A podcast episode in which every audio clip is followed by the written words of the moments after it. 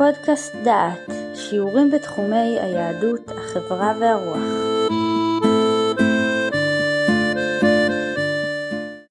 ברוכים הבאים לפודקאסט דעת, לקורס אימון ושליטה. אנחנו עכשיו בפגישה התשיעית, והנושא שלנו יהיה דכדוך ודיכאון. מדבר עליכם יהודה אייזנברג. דכדוך ודיכאון מוצאים את ביטוים בהרבה מחשבות וסימנים. למשל, שינויים במצב הרוח, ירידה בתחושות ערך וביטחון עצמי, קושי להתרכז, הפרעות בשינה ובאכילה, דאגנות, קושי ביחסים בין אישיים או משפחתיים, ירידה בתפקוד. כל אלה יכולים להופיע בצורה של דכדוך ודיכאון. מה גורם לדכדוך ודיכאון? לפעמים יש אירוע משפחתי, חברתי, אישי, שהוא מוביל את האדם לדיכאון, אובדן, מוות של אדם קרוב, כישלון כלשהו, מעבר ושינוי בחיים, מעבר ארץ, מעבר דירה, שינוי בחברה, אובדן סטטוס חברתי, ירידה ברמת החיים, לחץ מתמשך, הוא גר באזור ספר והוא כל הימים חושש מפיגועים, מאסונות. אי ודאות. כל, כל הדברים האלה ביחד יכולים לגרום לדכדוך ולדיכאון.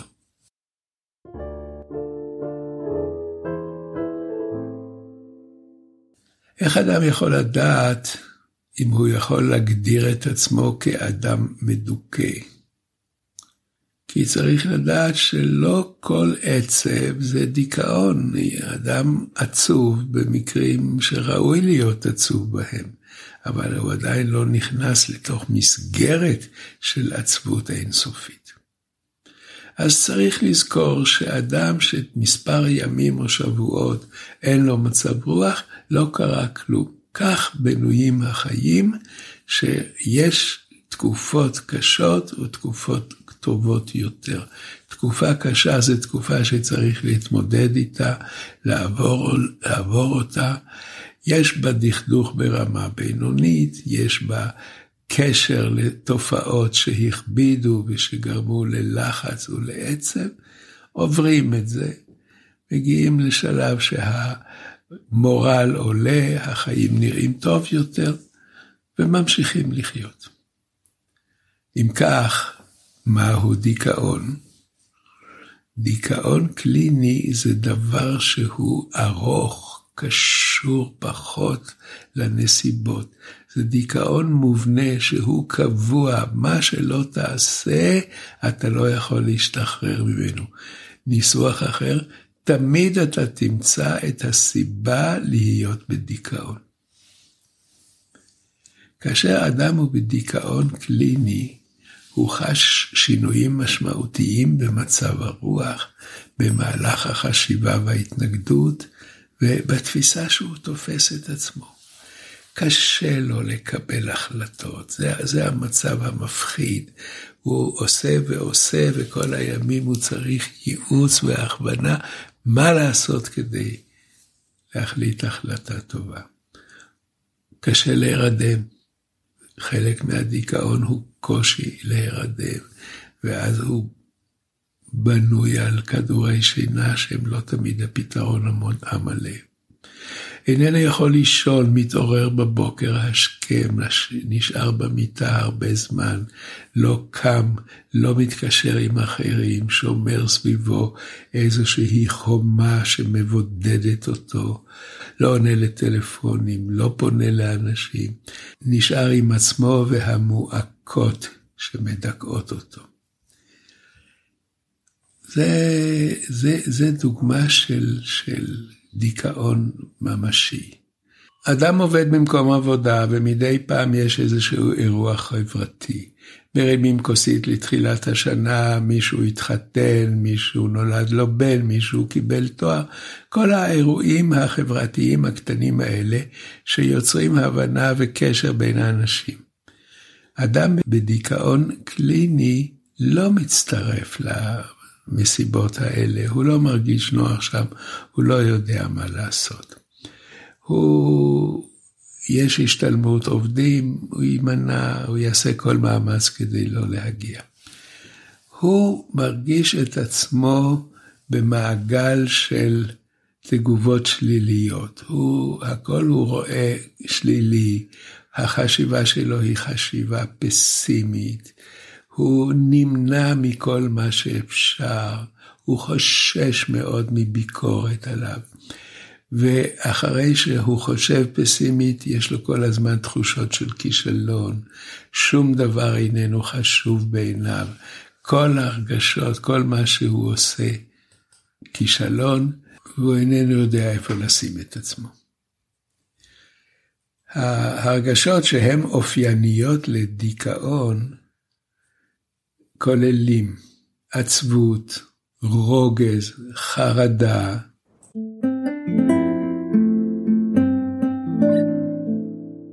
יש שני סוגים של דיכאונות. יש דיכאון קלאסי, מה שכל הזמן תיארתי, הבריחה מהחברה וכולי, ויש דיכאון ביפולרי, שיש לו שני כתבים.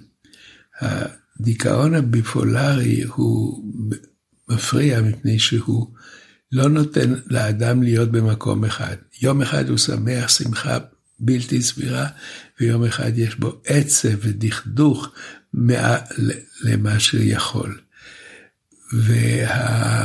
והרוגז, ההבדל בין, ה, בין מצבי הרוח השונים, גורם לחוסר יציבות וגם קשה לתקשר עם בן אדם כזה. אתה לא יודע אם, אם הוא יגיב תגובה אוהדת ויצחק וישמח, או שיחמיץ לך פנים. והדבר הזה גם מנתק אותו מהחברה.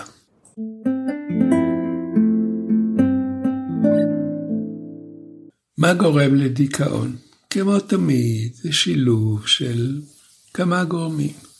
כמובן שאנחנו נמצא את הגורמים התורשתיים, ובמקביל את הגורמים הביולוגיים, וכמובן את הגורמים הפסיכולוגיים. כל הקומפלקס הזה גורם לכך שאדם יכול ליפול לדיכאון קליני. אז כבר דיברנו על הדברים האלה, קונפליקט במשפחה, אובדן במשפחה, קושי כלכלי, כישלונות, מצב דחק. כל אלה יכולים לגרום לדיכאון. ויש פעמים שלא יודעים לתת כתובת מה גורם לדיכאון, אבל אפשר לומר באופן כללי שאם אתה לוקח סמים, סיכוי טוב שאתה תהיה מדוכא מפעם לפעם, מפני שהסמים מכניסים אותך לעולם הזוי, שאתה נכנס אליו ויוצא ממנו ואתה מאבד שליטה על עצמך, זה לא דבר משמח. אבל דיכאון זה לא מחלה חשוכת מרפא. דיכאון זה מצב נפשי שהוא נגרם מכל מיני סיבות, הוא יכול לעבור מסיבות אחרות. אם אתה מתמודד עם הדברים, אם אתה חושב על מצבך, בודק איפה אתה נמצא, אתה יכול להתמודד ולצאת מן הדיכאון.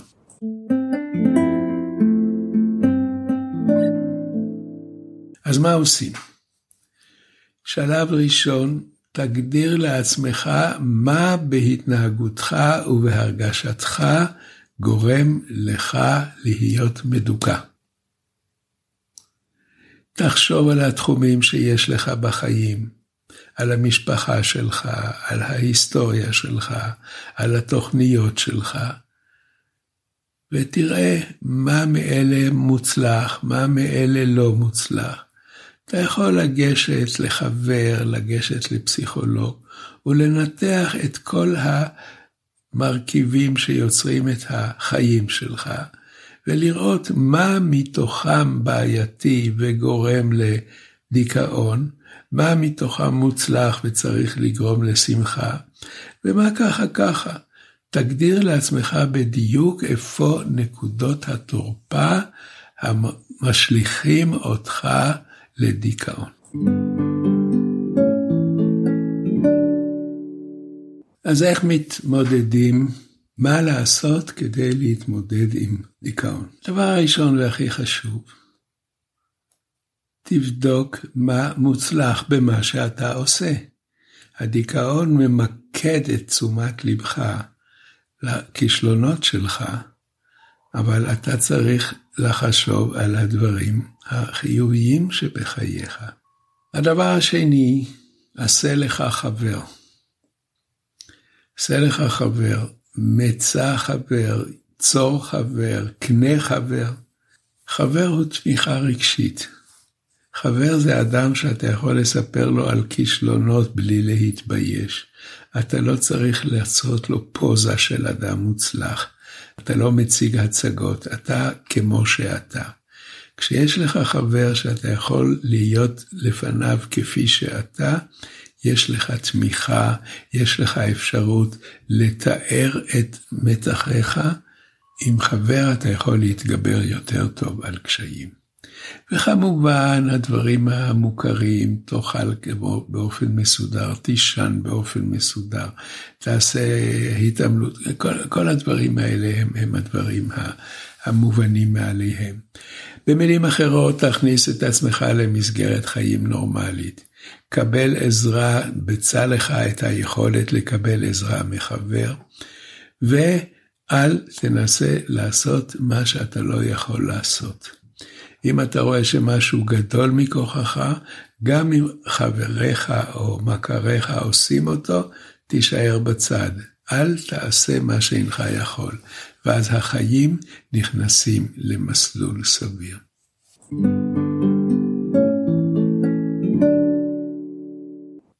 דוגמאות נוספות. כמובן לא, לא לקחת סמים, כמובן לא להתחייב דבר שאי אפשר לעשות אותו, כמובן לא, לא להיות ערב לפעילותם של אחרים שאתה אינך יכול לדעת מה, מה הם עושים. כמובן להימנע מפעילויות שהן מעוררות פחדים, אל תלך לסרטים מפחידים ואל תלך למקומות מסוכנים ואל תטפס על האברסט. תעשה דברים שהמסגרת שלהם היא מסגרת נינוחה. אל תהיה מכור לחדשות ולכל התיאורים המבהילים שיש בהם. אתה יכול להרשות לעצמך לא לעקוב אחרי מה שקורה בעולם, ובכל זאת העולם ימשיך להתקיים כפי שהוא מתקיים. ועיקר, אל תחשוש מפנייה לעזרה.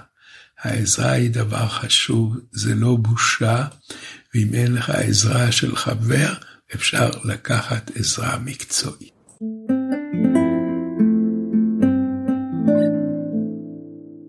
איך אתה מטפל בדיכאון? בנוסף לדברים שאמרתי עד כה, צריך לעשות בדיקה מסודרת. קודם כל, תשאל את עצמך האם הדיכאון משבש את חייך. אם הדיכאון משבש את חייך, אתה חייב לקחת עזרה. אמרתי, קח עזרה מחבר שאתה יכול לפתוח בפניו את לבך. אין עזרה כזאת, או אין לך חבר, גש לטיפול מקצועי. טיפול מקצועי זה לא בושה ולא כישלון. הטיפול תמיד יהיה שילוב, או עשוי מאוד להיות שילוב, בין טיפול פסיכולוגי וטיפול תרופתי. יש הרבה תרופות שמרגיעות, שהן אנטי-חרדתיות, ויש פסיכולוגים שיכולים להתמודד עם העניין הזה, ושניהם יחד יוצרים את המצב הנינוח. הפסיכולוג יודע מה צריך לעשות בצד התרופתי ומה אפשר לעשות, כל אחד מהם ייתן את הפתרונות, הפסיכולוג ידע לשלב את השניים, ואז אתה צריך מצד אחד את בדיקה של הרופא המטפל מבחינת התרופות שאתה לוקח, אתה צריך את עזרת הפסיכולוג מבחינת המצב הרגשי, שני אלה יכולים ליצור מערכת משאבים חדשה, טובה, לחיים נוחים. ואל תשכח שאתה חי בחברה, ולפעמים אתה מבחין שמישהו מחבריך מצוי בדיכאון. כמו שאתה מצפה לקבל חבר שתוכל לדבר באוזניו, היה אתה החבר העוזר למישהו שאתה רואה שהוא דיכאוני. אתה רואה שאדם מתבודד, לא מגיע למפגשים חברתיים, התנהגות מוזרה, בבקשה, תהיה עכשיו אתה התומך והסועד. פנה אליו, דבר איתו, תראה אמפתיה, תבקש ממנו לפתוח את ליבו אם הוא מוכן, תציע לו להיות חבר, תזמין אותו, תראה לו מה, מה, מה אתה עושה, התעניין בו. ההתעניינות הזאת כבר יכולה להיות צעד ראשון. אתה רואה שהדברים מורכבים, עזור לו, עזור לו לפנות לעזרה מקצועית. אם אתה עברת את זה, בוודאי שאתה יכול לעשות, ואם לא עברת, אתה יכול להתעניין ולדחוף אותו לזה.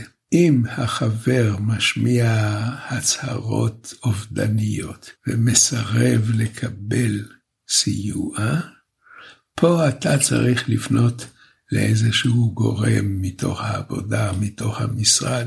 אתה צריך להתעניין כיצד ניתן לסייע לאדם שהוא איננו רוצה לקבל סיוע. זה דבר חמור, צריך לעשות אותו בתבונה ובייעוץ מקצועי. אז נגיד מה, מה יכול להיות הטיפול או העזרה שלך, האדם הלא מקצועי. לעודד, דבר ראשון, אבל לא, לא, אל, לא לשמח, אל תיקח אותו לרקוד, זה לא, זה לא עובד. אבל לעודד אותו ולשמוע ולדבר אפשר. לשוחח, לשוחח, לשוחח. תן לו אפשרות לדבר, תן לו אפשרות לשמוע. לא להתווכח, לא להתווכח. הוויכוחים יוצרים חיץ ומתח, בסופו של דבר הם לא עוזרים. תן לו אפשרות לבטא את רגשותיו השליליים, את הקשיים שלו, עודד אותו לדבר. ואל תגיד זה שום דבר זה יעבור, זה, זאת האמירה הכי מטופשת שאתה יכול לתרום לעניין. אל תגיד לו שאין שום סיבה לתחושות שלו ואין סיבה לדאגות שלו והוא פשוט לא יודע מה שהוא אומר. זה, הוא, אם הוא מדוכא, אתה לא יכול להגיד לו שהוא לא מדוכא, ולכן אל, אל תתווכח איתו ואל ת, תסתור את רגשותיו. אל תיפגע אם הוא יגיד לך, אני לא רוצה לפגוש אותך היום או מחר. זה חלק מן הבעיה, ואתה לא יכול להתעלם שזה בדיוק מה שקיבלת על עצמך. לעזור לאדם שיש סיכוי טוב שבמהלך השיחות הוא יפגע בך ויגיד, אני לא רוצה לראות אותך. אפשר, אבל לא, לא להרים ידיים. וכמובן, תתייעץ גם אתה עם גורמים נוספים, אם אתה רואה שהוא איננו מוכן לקבל עזרה.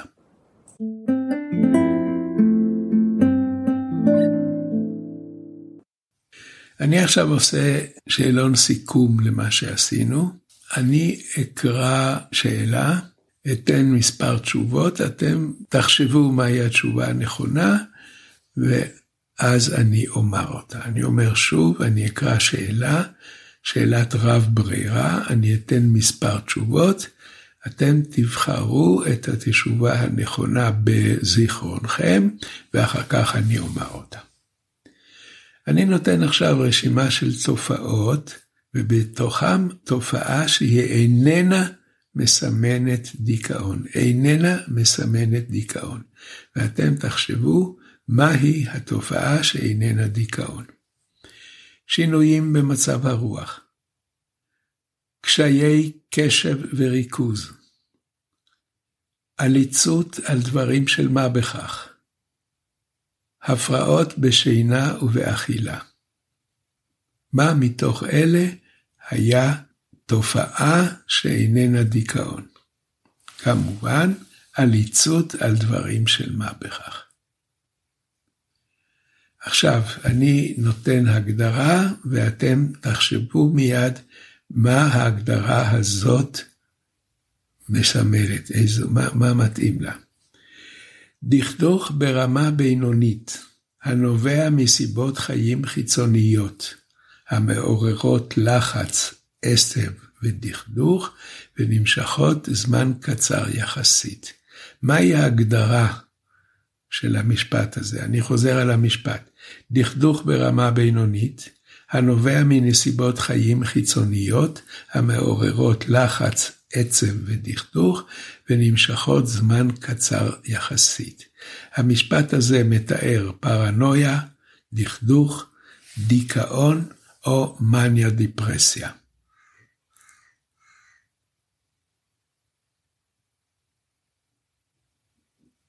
המשפט מתאר דכדוך.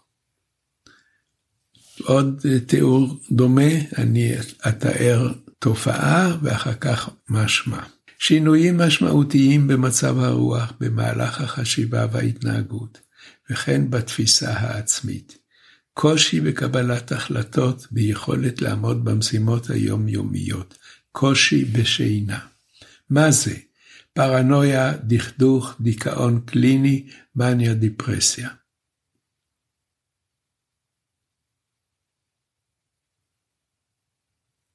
זהו דיכאון קליני. איזו מהפעולות שאני אקרא איננה מועילה להתמודד עם דיכאון. איננה מועילה. הקדש כל יום זמן לפעילות גופנית. הקפד על אכילה מסודרת. התמקד בחשיבתך על אספקטים חיוביים בחייך. הסתר את מצבך שלא תחול עליך סטיגמה של טיפוס בעייתי. מה מתוך אלה לא מועיל לדיכאון?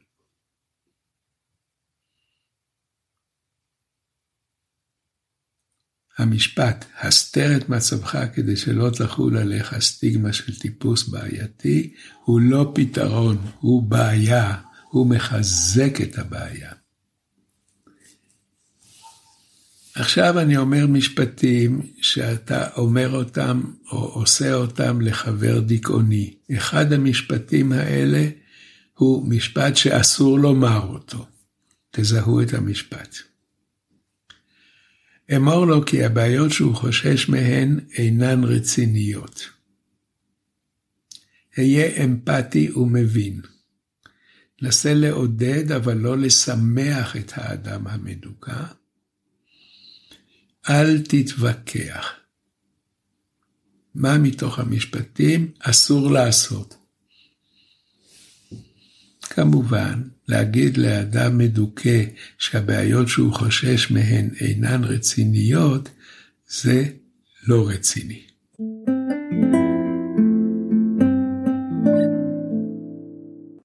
אני מסכם את הפרק.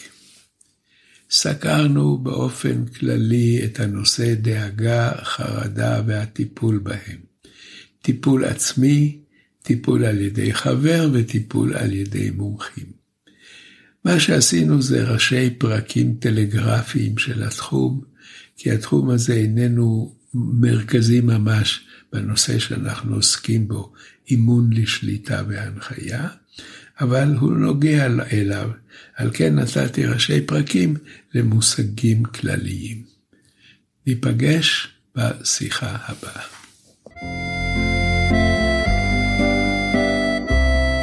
שמעתם שיעור פרופסור יהודה אייזנברג. את הקורס המלא וקורסים נוספים ניתן לשמוע באתר דעת במדור פודקאסט.